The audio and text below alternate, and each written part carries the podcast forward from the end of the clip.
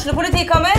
Ine Jansen er purk. Er du purk? The motherfucking bitch. Alt jeg vil, er å finne ut hva som skjedde med mannen min. Jon Carew. Er jeg sikta for noe? Iben Akeli. Det er du. Ole So, Lars Berrum og Big Daddy Karsten. Hvem sin side er du på, egentlig? Anette Hoff, Tone Danielsen, Kommer du fra Afrika? Jørnis Josef, Nesten. Kløfta. Trond Espen Seim, Det er synd å si det, men det var feil mann som døde. Purk. Premiere tirsdag på TV2 Play.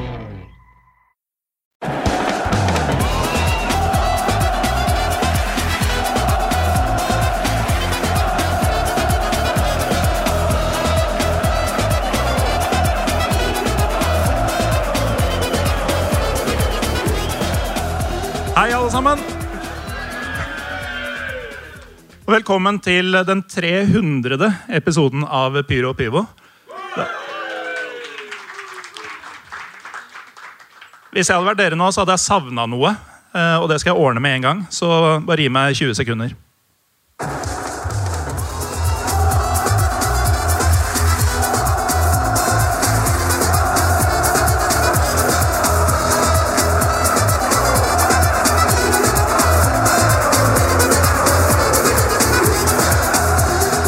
Hjertelig velkommen til en ny episode av Pyro og Pivo. Og til dere som er her. eh, Hvis jeg får vilja mi, så er dere de eneste som får høre og oppleve alt som skal skje her i dag. Fordi eh, vi tar et opptak, men det skal enten hives eller redigeres som ville helvete. Så eh, forhåpentligvis Jeg skulle til å si forhåpentligvis får dere valuta for penga, men det gjør dere ikke. Så til de av dere som har kommet på gjesteliste, gratulerer, fordi dere har fucka alle andre her. Men eh, vi skal prøve å gjøre det hyggelig her, da. Eh, og derfor har jeg jo eh, skaffa litt gjester. Eh, Josef kunne navnet på én av dem. Eh, men Josef Hadawi, en av dem. Stor applaus for eh, han kødden der.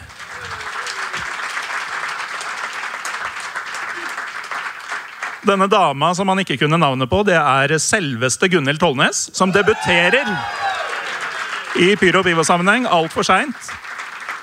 Blir sikkert jævlig god stemning på backstagen etterpå, for øvrig, Josef.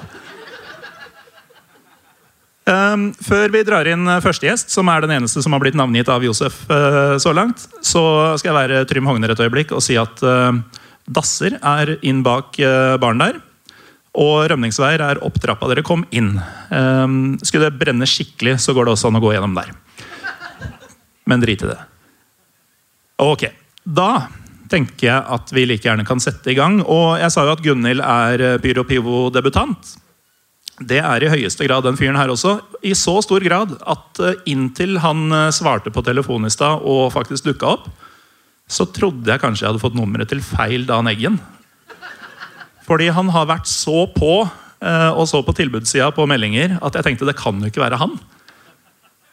Jeg turte ikke å si det til så mange, men jeg ble veldig letta da, da den ekte eh, Dan Eggen, han som slo Brasil, eh, vandra inn døra her. Og som dere skal få høre snart, så har Dan Eggen både gjort og tenkt mye annet enn å slå Brasil. Så vi kan jo bare dra han inn med en gang, kan vi ikke det? Dan Eggen, mine damer og herrer!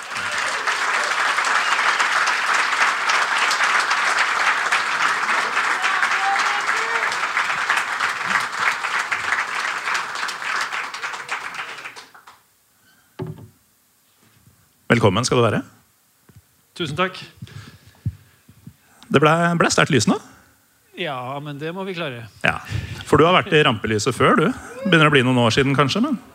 Ja, det gjør det kanskje. Ja. Eh, Men eh, fin utfordring, det.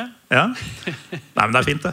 Eh, Vi fikk prata litt grann før du dukka opp her. Eller da du dukka opp her, men før du kom opp på scenen. Og du sa vel i praksis, eh, med litt andre ord, at du ikke helt veit hva dette er for noe?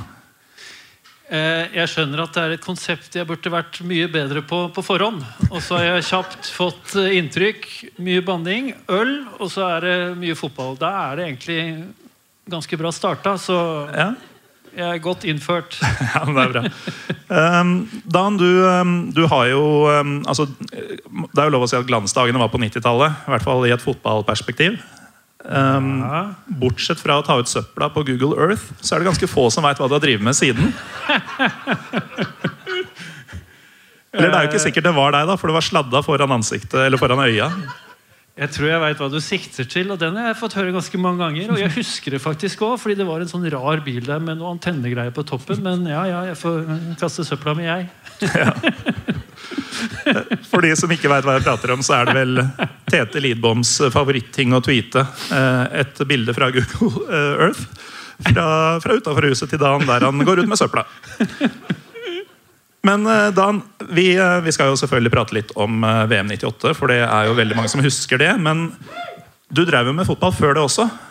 Og første gang jeg hørte om deg, så var jeg bare sånn 2,02 høy. Jeg var 11 år gammel.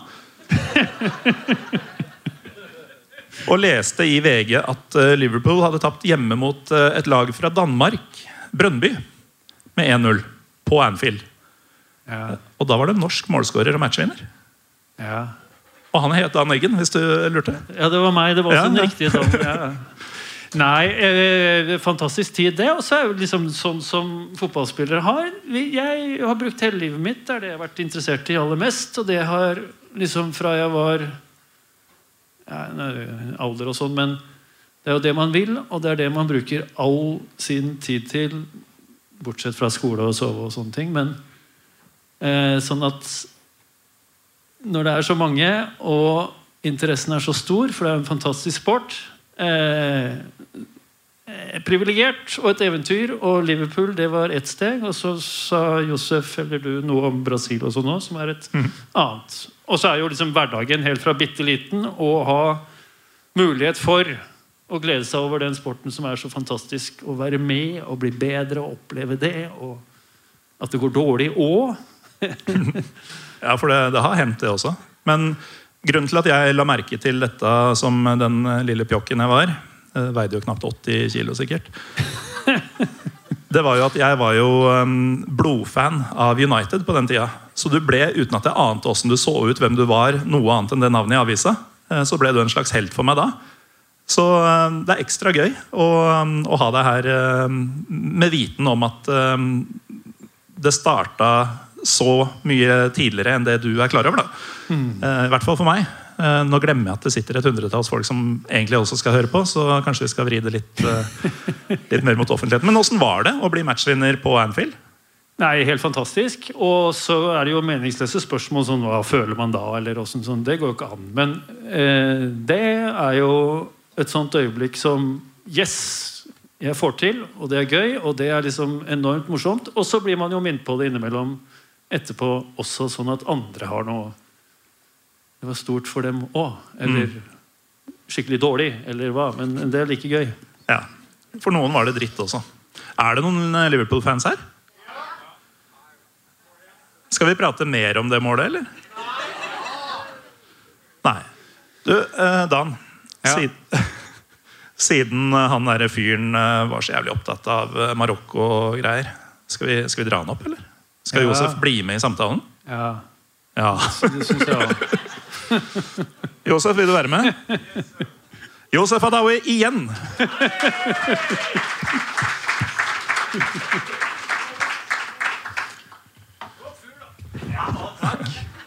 Han har ikke fått betalt for å si det. Nei, Hva skal du betale han med? Ja, ikke sant? Med, de, med den tieren jeg får fra deg. Men eh, Josef, eh, Ja. er det der eventgenseren din? For den har du på forslaget av boka, og jeg lurer på om du hadde den på Lindmo, og du har den her. Og... Vet du hva? Jeg må jo avvæpne meg sånn at Det er jo folk som har fremmedfrykt. Tre av ti, nord Tre av ti nordmenn har fremmedfrykt, så da prøver jeg liksom å, å ikke gi folk angst og frykt, da. Det er jo det jeg prøver på. Du går for Tosca i lusekofte. Ja, det, det funka med Tosca, så hvor faen skulle det funke med meg, liksom? Så nei, det er veldig, veldig hyggelig å få være her. Jeg er jo Syns også det var veldig gøy at Dan Eggen var med. Ja, og det at dere to er her sammen Jeg ja. kokte jo det litt sammen, trodde jeg, for uh, min egen del. Og så var jeg litt sånn forsiktig med å spørre hver og en av dere om det var greit å være på scenen samtidig. Men dere møtes jo faen meg rett som det er, Dan. Vi gjør det, altså. Jeg, jeg, jeg har litt sånn man-crush på Dan. For jeg, for jeg satt jo på Lambertseter senter og tok meg min eh, havrelatte, som jeg er veldig glad i. Ja, jeg er den slags. Og da møtte jeg på Dan. Og da kom han bort og så preika vi litt, og sa han nei, faen, jeg liker svart humor. Og da ble han jo Da var det fy faen Dan Eggen, ass. I love, I love this guy. så, det, så da vet jeg, så tenkte jeg med en gang Ok, han, han her er en ordentlig Han er en bra fyr. så, men men det, jeg har jo noen minner fra, fra 98-VM, da. Ja. Som, eh, der hvor jeg ikke var så jævla glad i Dan Eggen, egentlig.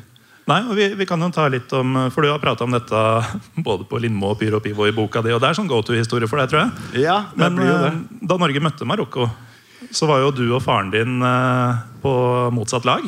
Ja, fordi fattern eh, Altså, jeg var jo eh, 14 år og liksom akkurat liksom virkelig sånn oppdaga fotball. da Og det var mitt første sånn ordentlige VM som jeg bare Ok, nå, nå gleder jeg meg til fotball-VM. Og da var det så sjukt at Marokko skulle spille mot Norge i gruppespill, og Brasil i tillegg i den gruppa. da så det var jo helt spinnvilt. Og jeg var jo ung da og prøvde å finne meg sjæl. Og så syns jeg liksom at Marokko hadde en sånn kul uh, spillestil.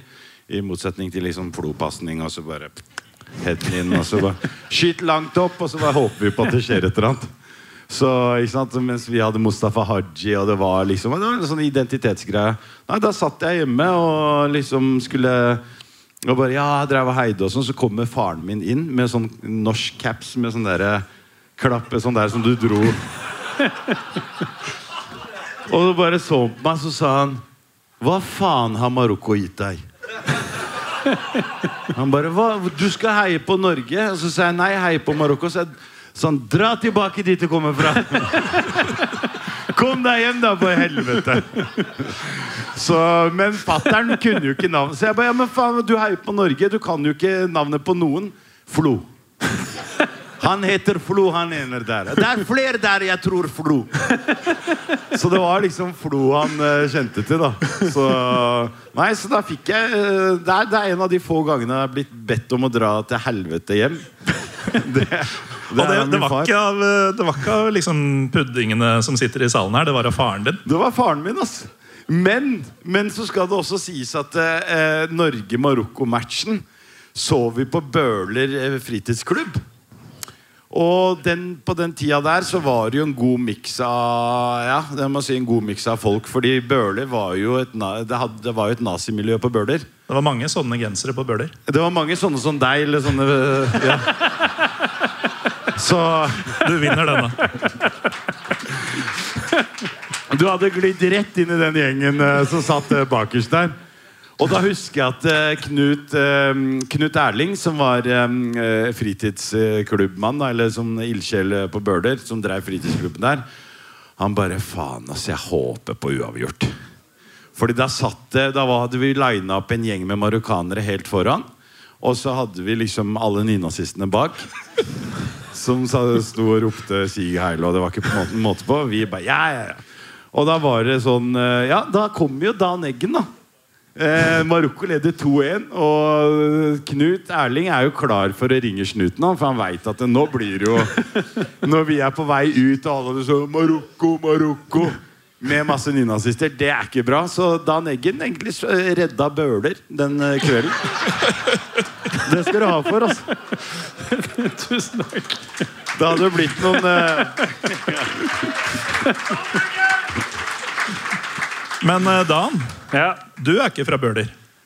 Nei, jeg er vokst opp Eller jeg er født i Danmark og vokste opp på Oslo vest. Mm. Litt grann før Josef. Og så bor jeg på riktig side av byen nå. Ja, bra. Ja. Men uh, det er ikke sikkert at den, den delen av byen hadde eksistert ifølge Josef, da, hvis det ikke var for deg. Nei, eller sånn som jeg skjønner, hva som helst kunne ha skjedd etter Om det ikke var for deg. den og den dagen i 98. Ja, ja. Men uh, det er jo uh, kanskje ikke helt tilfeldig. Men det er pussig da at vi kom inn på den kampen. For jeg har jo forberedt meg lite grann. Oi, oi, oi. Så jeg tenkte vi skal kikke litt på det som kanskje er et av de verre øyeblikkene fra karrieren til Dan. Åh, til- kan til- jeg gjette hva det er? Ja. Fordi det husker jeg så jævla godt. Det er når Mustafa Haji bare rundpuler, holdt jeg på å si. Men Jo, men det var jo det han gjorde, da. Absolutt. Men det går jo an å si litt om den kampen òg. det er bra det er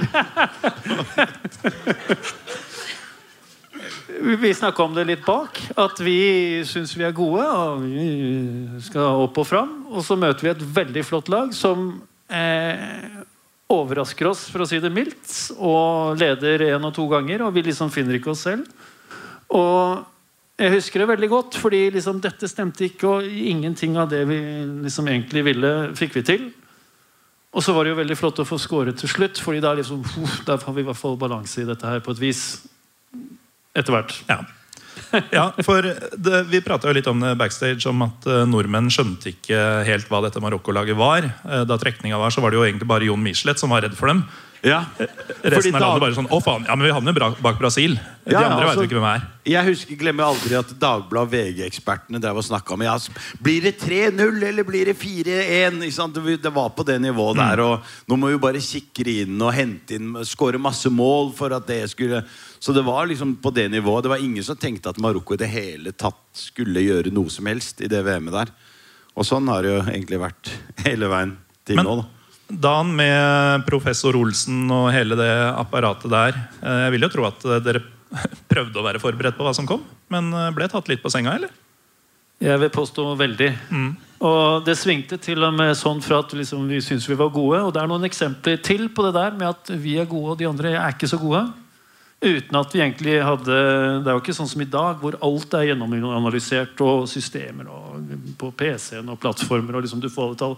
Sånn var det ikke den gangen. Vi var i Norge best fordi vi var litt interessert i analyse. Men litt sånn manuell sak. Eh, men der var vi ikke i nærheten. Og så vet jo Josef og flere at Marokko var jo et lag med spillere i de beste ligaene.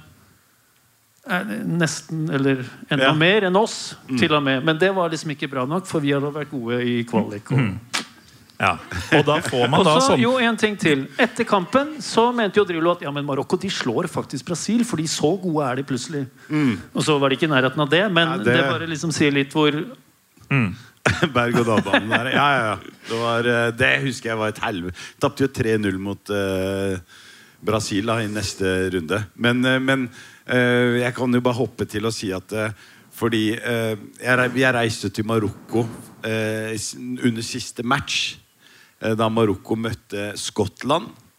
eh, og Norge skulle spille mot Brasil. Marokko leda 3-0 mot Skottland, og Norge lå under 1-0, og det var 81. minutt. Sånn. Ja. Og det var full party i Marokko!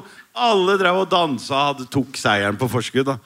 Så nei, det ble, ble noen bord som ble knust, og det var et helvete der når eh, Altså, det var ingen Altså, det er fortsatt en konspirasjonsteori i Marokko da, om at eh, Norge betalte Brasil med laks. Ikke bare i Marokko. Ikke, ikke bare i Marokko, fordi altså, jeg er liksom ikke Fikk sånn du noe laks? Nei, betalte dere med laks? Ja, nå begynner du òg. Men jeg, innimellom så kjøper jeg en gulrot på enten Lambertseter eller på Grønland. Og det er de få gangene noen snakker om ah, scoring mot Marokko. Og neste spørsmål er hvor mye penger fikk dere av eh, Ja, ja. Men er det, er det derfor du dissa meg i stad, Josef? At jeg ga deg masse laks eh, for å stå her? Så klart, det er jo det. Det er det Norge betaler Det er bra for da. deg. Det er jo en bra måte å paye på. Så, nei, jeg tror det fortsatt. Jeg, også det at Brasil Nei, at Norge, at Flo, fikk straffe i det siste minuttet, hadde ikke vært pga. de bildene som dukka opp eh, dagen etter fra en eller annen sånn svensk fotograf, så hadde vi aldri trodd på at det var straffe. da Fordi da ser du jo på en måte at han blir jo dratt. Jeg er jo ikke helt idiot. Så jeg så jo at, eh, at eh, Flo ble jo dratt ned. da Så men det var katastrofe i Marokko den dagen, for å si det sånn. Ja, det, det tror jeg på. Um, for de som er eh, spesielt interessert, så er jo episode 299. eh, der fikk du prate ganske fritt. om, om det hadde gikk bra for Marokko i VM. Men det skal vi ikke snakke om nå. nå Jeg tror jeg har ødelagt karrieren min jeg, ved å være på Pyro Pivo-potten. Hver gang jeg er der, så bare får jeg ikke flere jobber. Nei, den, den forvitringa begynte egentlig rett før Qatar-VM. Ja, det er, så det er Ja, ja, jeg skal ikke si for mye, for jeg fucker opp, fucker opp det lille jeg har igjen. Men ok, ehm, Vi har eh, litt video, som sagt. Og bare for å illustrere hvor tatt på senga Dette blir ikke lett for deg, Dan. Kanskje greit at du sitter med ryggen til. Ja. Ehm, nettopp hvor eh, uforberedt eh, deler av det norske laget var på det laget her. Her driver man jo og etablerer noe. Men jeg har stjålet det fra YouTube, så jeg aner ikke hvilket språk det er. Her, vet du. Oh. Og der er Dam. Der løp det Dam, tror jeg han Og så er det Haji. Men hvor er Haji nå?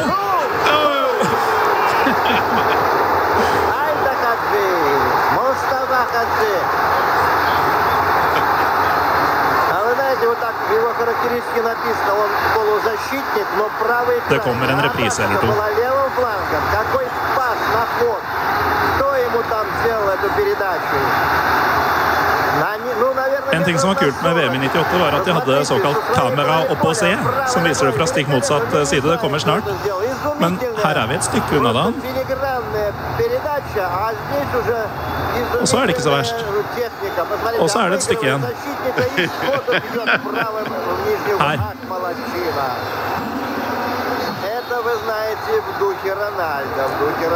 Jeg tror det er siste nå, altså. Сегодня Рональдо в матче с шотландцами. Потрясающе, потрясающе. Великолепный удар. Da var det vel ikke bare bare. Ah, det var deilig. Nei, nå var det ikke deg jeg spurte. Nei, men Det går an å si noen ting om den skåringen. Ja. Eh, og det var jo et sånt problem vi hadde den gangen. Og det blir jo sånn styrker og svakheter. Hva er vi opptatt av? Hva er vi ikke opptatt av? Hva er vi gode på? Hva er vi dårlige på? Og én ting Vi hadde jo ballen der for eh, åtte sekunder siden. Og nå så snakker man om noe som heter offensiv markering. Altså Hvor er vi forsvarsspillere når laget vårt er i angrep helt øverst? Er vi bevisste? Gjør vi noe spesielt, eller står vi og kikker på Nå avspiller vi fint. Og det der er et eksempel. Jeg er midtstopper, så jeg er i midten. Det er jeg. Men hvis alle andre på spesielt høyresida liksom ikke er med og er og angriper, og vi i midten ikke har tenkt på ja, men hva skal vi da gjøre med han som ligger helt alene ute på sida, det er et problem. Og det er et problem her, for vi hadde ikke noen løsning. Og det gjør at med en flott pasning igjennom, plutselig så blir han på en sånn avstand. Og så er det et sånt klasseeksempel i dårlig forsvarsspill fordi ja, innimellom så kommer man i en sånn situasjon, men da er det én ting. Eh, kom så tett som mulig og få han til å sakne farten, og at han fortsetter å være ut. Eh, ute så får han ikke gjort så mye. Hvis man blir lurt og han kommer inn, da er det farlig. Og da liksom når man er skarp, sånn som Haji, så, så er det mål. Og det vil si utgangsposisjon dårlig, og dårlig vurdering fordi jeg er for lett å liksom lure sånn at han kommer inn, og jeg ikke får stoppa det. Vi skal eh, se noe annet som skjedde i den kampen også. Altså, Dan, så Ja, men det er jo, du skal få din oppreisning. dette er jo litt sånn trenerkurs, eller ja. Så det er bra. Altså, jeg, jeg kan ikke en dritt om fotball, så jeg satte veldig pris på det her. Men eh, Josef, du eh, sa du at du var 14 da? Det kan du ikke ha vært, for jeg var 14 da. Eh, Men- ja, hvor gammel var jeg egentlig? Eh, Du, du var tenåring. Men eh, Jeg er født i 81, så eh, Faen, jeg var 17, jeg. Shit, ass. Stemmer. Men eh, kunne du juble, eller fikk du bare juling av faren din? Nei, også der, altså det var, her var det full jubel. Men eh, fordi jeg så jo ikke den kampen med fattern. Jeg dro jeg så den på fritidsklubben på Selvfølgelig Bøler, gjorde du det. fordi jeg turte ikke å se Ok. den. Fatteren hadde Kunne du juble, eller deportert fikk du meg. juling av nazistene? Nei, altså jeg hadde jo en greie For jeg var jo liksom Jeg var jo smart nok til å bare Ja, for jeg spilte jo fotball med disse nynazistene. da, Så det var jo sånn når de sto på Bølebrua og ropte 'Sig heil, sig heil', så svarte jeg som regel bare ja, 'Sig heil, gutta'. Hva faen skal jeg gjøre? Ja, Jeg, jeg er jo ikke Det er jo Ikke det? survival instinct. Skjønner du? Jeg må jo Så det var liksom eh, Jeg skjønte jo ikke helt den greia der. Jeg har jo en partner på poden min, Flymodus, eh, som har prøvd å gjøre det samme. Men eh, Så jeg prøvde å lære han han da, bare si Bernt, eh, Bernt Hul Det er Bernt Hulske jeg snakker om, da. Så jeg sier du, hvis du skal gjøre sånne ting, gjør det hjemme, da. Ikke gjør det ute. Hold det innafor fire vegger. Hvis du absolutt må heile. Ja, Hvis du absolutt må heile, så gjør det. Det er ikke tida for det nå. Kanskje det kommer tilbake igjen en dag. Så for. Jeg tror det er ganske populært i USA nå. Ja, det begynner å blomstre litt nå. Så jeg ser Men eh, nei, nå, nå sklir det ut her. Hvor Det- faen det er- ikke hva er det vi snakker om? Jeg jeg er ikke vant til at det skjer i Pyro Pivo. Um, men jo, eh, vi har vært innom det. Dette var 1-0-målet til Marokko. Eh, Det ble en utligning på et av de klassiske sjølmåla som Marokko alltid skårer i VM. Ja, det er, noe, det er så sjukt. Fordi det, er jo, Marokko er jo det eneste landet i verden som eh, er med i VM og skårer sjølmål hver, hvert- altså hver gang de er med. Altså Det er blitt en greie. da Sjølmål er vår greie. liksom Vi må alltid starte med et sjølmål. Liksom, du du veit at det kommer da når du heier på Marokko. Men eh, så tok dere ledelsen igjen gjennom Abdel Jalil Hadda.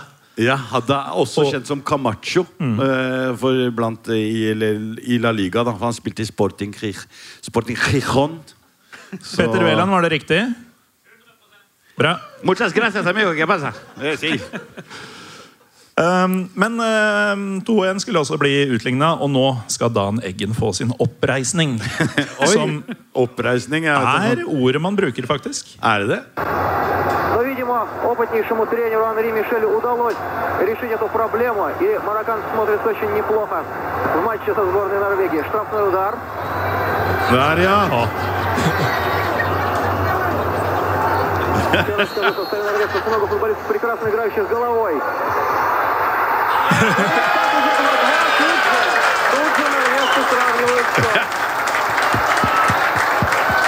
Очень быстро соперники обмениваются забитыми мячами. В первом тайме и вот сейчас. Ну что, Ja, og så- реабилитировался Дан Эгген из Se på det trynet. Ser ut som han kommer rett fra en begravelse. jo, Faen. Jeg Altså, tenkte på hva- det også. Han, han er jo gladere nå når han ser det igjen, enn han var da han skåra.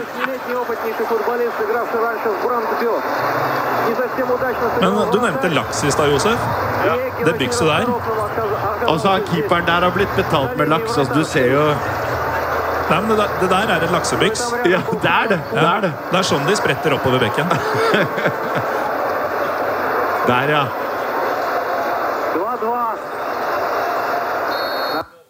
ja. Ja, ja, ja.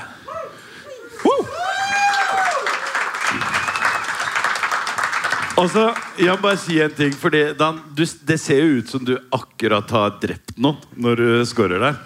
Er, det, er du sjokkert, eller er det liksom bare Hei, jeg putter i VM, liksom? Nei, men jeg tror jeg sa det i stad også, visste ikke at det så så gærent ut. Men eh, det var eh, he helhetlig en forferdelig opplevelse. Fordi vi var ikke bra. Jeg var ikke bra. Og så, rett før det der, tror jeg, så hadde jeg en stor sjanse. Eh, som også kunne bli scoring. Sånn at det var liksom noe å revansjere. Og det var mer hva skal man si, lettelse eller faen heller enn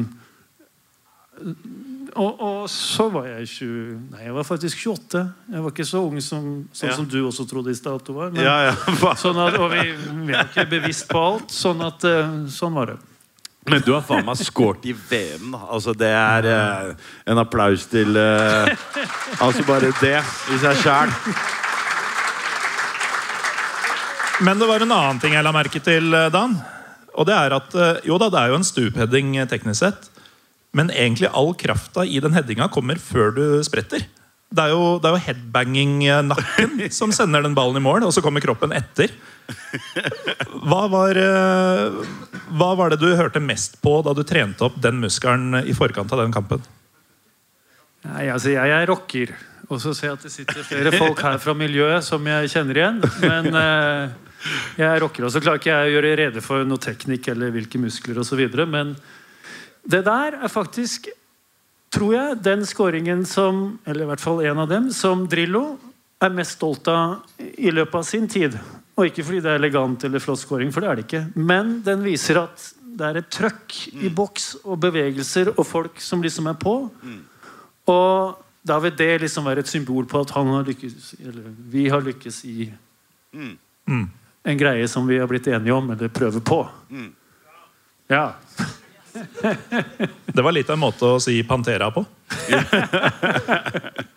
Men eh, ja, Pantera. Ja. Vi har en, en gjest i salen som har gitt meg et oppdrag. eh, når vi først er inne på musikk. Eh, Operasjon Dødsverk. Har du noe forhold til det? ja. Er det dritt? Nei. Det var alt, Frode. Frode Lia er så kry vet du, å ha spilt i et band som Dan Eggen liker. Ja, men det er fantastisk. Og det er jo igjen sånn mangfold og folk som jobber og som bruker eh, store deler av livet sitt. Og liksom Penger eller laks eller ikke Men du, du får til noen ting som er så flott fra utsiden som man ikke selv liksom kan gjøre annet enn å nyte eller eh, heie på. Men sa du Operasjon Dagsverk, eller hva var det du sa for Dødsverk. noe? Operasjon Dødsverk. er det, Kommer det av liksom Operasjon Dagsverk? Nei, du, var- du, får, du får spørre Frode etterpå. Dette har vi ikke tid til, Josef. Faen, det var ræva navn, altså, Frode. Jeg da faen hvor jeg er hen, Frode, men jeg... Der, ja. Der. Bra, bra jobba. Nei da. Takk. Vær så god, brorsan. Men eh, Dan, det, det var jo en skuffende match eh, for mange, inkludert dere, har vi skjønt, eh, mot Marokko. Eh, Det var ikke veldig mye bedre mot Skottland, men så kom Brasil. Og alle veit jo åssen det endte, men gikk Ja, dere inn i men det? eh, Skottland, det var bedre for oss. For det var mer altså Du syns det er kjedelig, og du syns det var kjedelig. Men da liksom da gjør vi vår greie, og så lykkes det ikke like bra. Ok. Men dette var vel liksom bare kaos. Det kommer bare 1-0 og NO-skåring og helt på bærtur. Men Skottland var liksom mer Ok, det stemmer sånn cirka. Mm. Mer gjenkjennelig motstander, eh, vel? Ja. Og kjedeligere og dårligere. Men eh, hele Norge snakka om at eh, ja, vi må bare slå Brasil. Hø, hø. Og alle visste jo at det her kommer aldri i helvete til å gå. Åssen hadde dere det i spillergruppa i forkant av den kampen? Ja, det samme. Vi har ikke sjans. Nei, altså det er alltid sånn. Det er liksom Ok, vi skal gjøre vårt beste. Vi skal forberede oss, og så er det et par ting vi skal prøve på. Og så videre. Men hvis du har liksom spurt kommer de til å vinne, eller satser i hus og kjøring, eller Nei. Men man har en sjanse. Det har man alltid. Og det er jo liksom noe av det aller flotteste ved fotball. Ja. Vi har en halvbrasilianer eh, i hjørnet her som driver og mumler noe, merker jeg nå.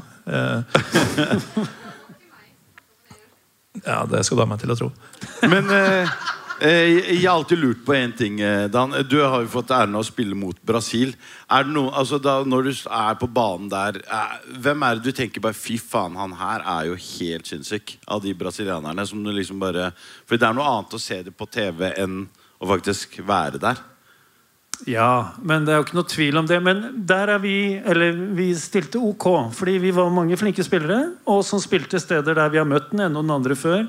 Så det er ikke sånn fy, det har vi aldri sett før. Det er jo ikke sånn. Og så er det en ting som vi syns var ålreit. Ikke mot Marokko, men mot Brasil. Ok, nå møter vi noe som er jækla bra. Da må vi sånn og sånn. Marokko skulle vi liksom vi, Ja, bare feie over, liksom. ja, og når vi Sånn som Drillo. ikke sant? Korte avstander, og vi skal jobbe sånn sideveis. Sånn at vi vil alltid være nok i de forskjellige sonene. Da er det ålreit. Da har det ikke så mye å si om hvem av dem det er. Da har vi sånn ok kontroll. Og så kan de alltid score, kan alltid skje noen ting. Men det lykkes vi med, og det var litt mer sånn Yes, da er vi der. Mot mm, Marokko så ante vi jo ikke opp og ned eller noen ting fra start. Men eh, ok, Dere trodde ikke dere hadde sjans, men dere hadde en plan. Og så kommer man jo under, og da er det bare et kvarter igjen. eller sånn. Det er jo helt kjørt. Det var under kvarteret. Det var ikke 81. Men altså det var eh, det var- 76 eller ja, sånt. det som dette- Bebeto skårer. Dette er tapt. Altså Det er helt umulig å ta igjen det her i et VM. Ja, Nå går det ikke, og samtidig leder Marokko 3-0. Ja. Eh, Og feirer. Marokko feirer at de er videre. visste dere åssen det gikk i Marokko-kampen da? da? Nei, men det hadde ikke noe å si heller. Fordi vi måtte vinne, og så kunne det hende. Men at vi må bare vinne og prøve på det, og ferdig. Det har ikke noe å si hva som Mm. egentlig Men- skjer der. Når man kommer under da, så seint, og man hadde spilt en ganske ok kamp eh, Åssen i svarte klarte dere å heve dere og, og snu det? Nei, men Det var ikke å heve oss, nå skal vi gjøre noe annet eller enda mer. sånn, Vi må bare fortsette, men ok, nå ser det skikkelig stygt ut. Og så er det to fantastiske prestasjoner på vårt lag som ikke liksom er like hedret eller hva som helst. Altså Stig Inge, som spiller liksom 70 meters pasning opp til en i rom som løper, Tor André, og som finter og avslutter liksom Det er verdensklasse. Det er den første. Og så er det igjen sju minutter eller åtte minutter, eller noe sånt, og da, da kan alt skje. Altså Når vi har skåret nå nylig, og de har sluppet inn, og, og så videre, da mm, lever det. Og så Ja Da er det en sjanse for at det Ja. går. Men det er klart, når de skårte Nei, jeg trodde ikke noe mer på det da. Jeg er sånn, men vi kan ikke gjøre annet enn å fortsette så godt vi kan.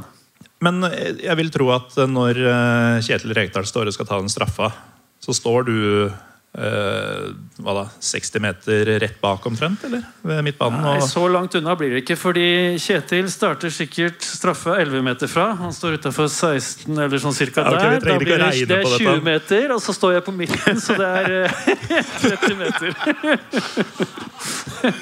men, men, men du har jo en helt annen posisjon uh, som du ser dette fra, enn det vi hadde gjennom TV-en. for å si det pent. Ja. Eh, hva er det som farer gjennom ditt hue når han tar tilløp der? Nei, jeg husker det ganske godt, fordi nå er det stor sjanse for at han skårer. Men eh, Ementen og er stor osv. Men Reka er sånn som det kan han godt finne på. Men eh, faktisk, og det tror jeg man ser på TV Jeg står ved siden av Brasils kaptein, Dunga.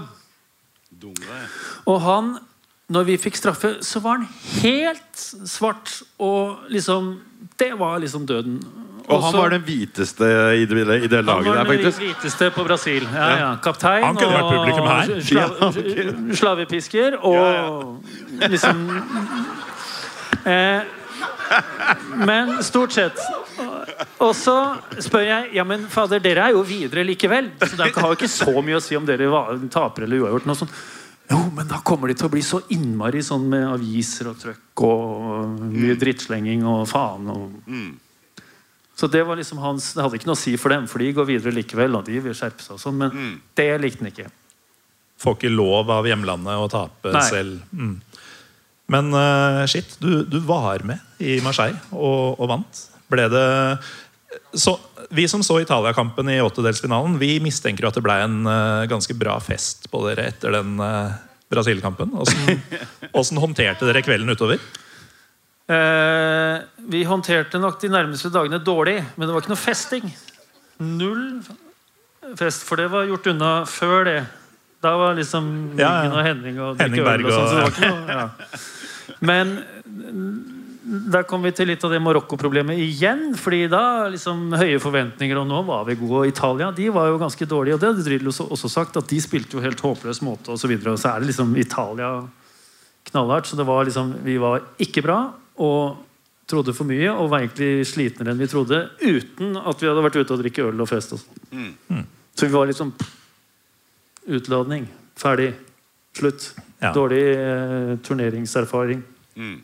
Den delen her av showet er også snart uh, slutt. Uh, men jeg har litt lyst til å bli litt bedre kjent med deg før vi avslutter, Dan. Fordi uh, du er en litt sånn mystisk skapning for mange. Gir ikke veldig mange intervjuer. Uh, Veit ikke om, du, om det er med vilje eller ikke, men man, man har liksom plukka med karrieren. Sånn som Ja, ja, det er Like barn leker best. Det er derfor. Altså, jeg, jeg ble jo glad i deg eh, da du skåra det målet på Anfield som, eh, da jeg var 11. eh, men jeg har ikke vært sykelig opptatt av deg. uh, bare, så for meg, da som har uh, bare har, håper å si, hatt deg litt i bakhuet etter at du la opp, så har det vært eh, dette Google-bildet. Og så, Det var høydepunktet etterpå. og så um, vet jeg at du begynte på sosiologistudiet på Blindern i sin tid. Nei. Nei, det, Da veit jeg ikke det. Nei. Nei, det, det ble rykta at du hadde begynt på sosiologistudiet på Blindern. i hvert fall på et tidspunkt. Jeg har aldri hørt. Du, slapp av. Ikke fuck opp street credsen, altså. Men jeg begynte også på sosiologistudiet på Blindern en gang. Og det husker ikke jeg heller. Loser. jeg, Jeg tror du har ti studiepoeng i det. Jeg gikk på skole, og jeg gikk på skole Og så ble det mer og mer fotball, så det ble liksom null. Mm. Og så når jeg slutta, så ja, faen, da må vi begynne igjen. For jeg hadde jo ikke liksom kommet noen vei. Det liksom endte i null, da. Men jeg var jo, trodde at jeg var liksom interessert og sånn. Men jeg, jeg visste ikke hva jeg skulle gjøre. Jeg visste jeg skulle ikke bli noe med fotball, fordi livet er mer enn bare fotball. Så feil kan man ta. Så jeg gikk jo på Blindern, men jeg er filosof. Så jeg er økonom, filosof. Rett etterpå. Og så bare fotball. Ja, Men det ble ikke bare fotball, for du har, eh, du har vært manager innenfor noe helt annet også. Nei. Ikke det heller, nei? Faen, jeg tar feil om alt, jeg. Neste gang skal jeg forberede meg. Nei, men den, der er du unnskyldt, fordi sånn som uh, Operasjon Dødsverk, så jeg er jo stadig medeier i et plateselskap. Og det ble jeg Eller det selskapet starta vi dagen før det ble slutt med LP og CD og alt mulig. At alt ble lasta ned. Så at det var ikke liksom flott timing, men det var veldig morsomt fordi Der liksom møtte vi de forskjellige og kunne være med om noe som egentlig var utrolig kult. Og så er musikk sånn som mange bransjer sånn at enten så gjør du det og er 100, eller så bare liksom glem det. Og det måtte jeg. Eller det ville jeg, for jeg kan ikke og er ikke interessert nok. Ikke kan jeg spille, jeg kan bare digge. Og da liksom Jo, jeg kan betale litt for å være medeier, og så vil jeg gå og høre og ha plater og sånn, men ikke, jeg kan ikke gjøre noe. Men det var litt sånn saken er ferdig med å spille fotball. Ok, da ble det litt sånn pressegreier at jeg var manager for El Kako. Så jeg har Men egentlig ikke. Jeg, jeg veit ikke noe mer om deg nå enn før jeg begynte å spørre. Men eh, har jeg, tar jeg feil, eller har, er det en eller annen link med deg og Koffa nå? Eller, fordi jeg, jeg tenker å heie på Koffa. Hvis du har noe link der inne nå, så blir det bytter jeg Du er så jævlig glad i Dan, ass. Ja, men jeg er det. Faen, han, han, Nei, men da blir det litt videre. ikke sant? Fordi jeg gikk på skole, og så har jeg barn og stebarn eller sånn, som begynte å spille i Koffa. Og da ble jeg spurt ja, men kan ikke du komme og være trener også, sånn som vi er i Norge, som er fantastisk. Det med at foreldre bruker tid med barn og er med og hjelper til, og er egentlig best til det.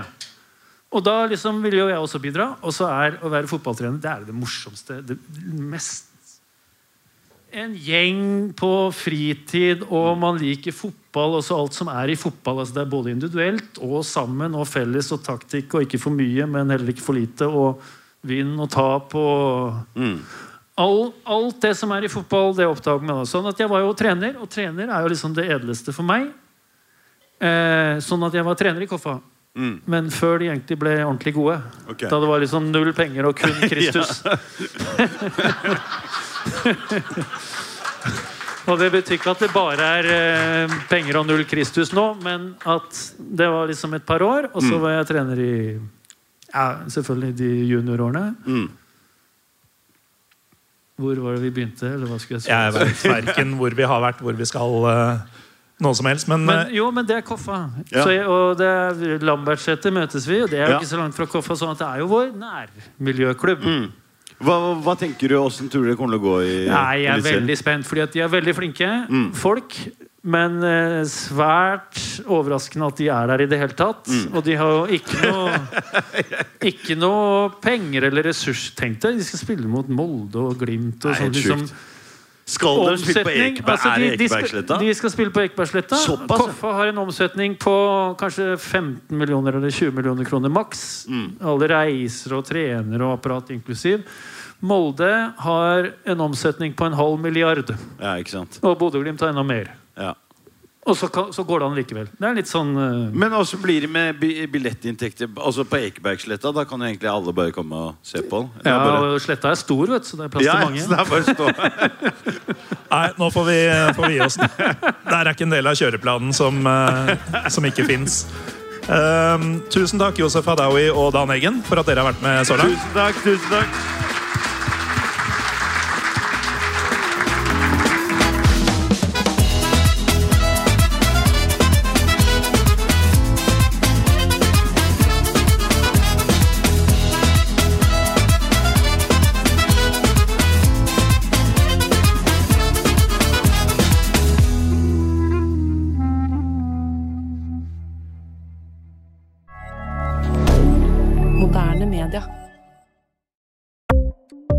Ukens annonsør er HelloFresh.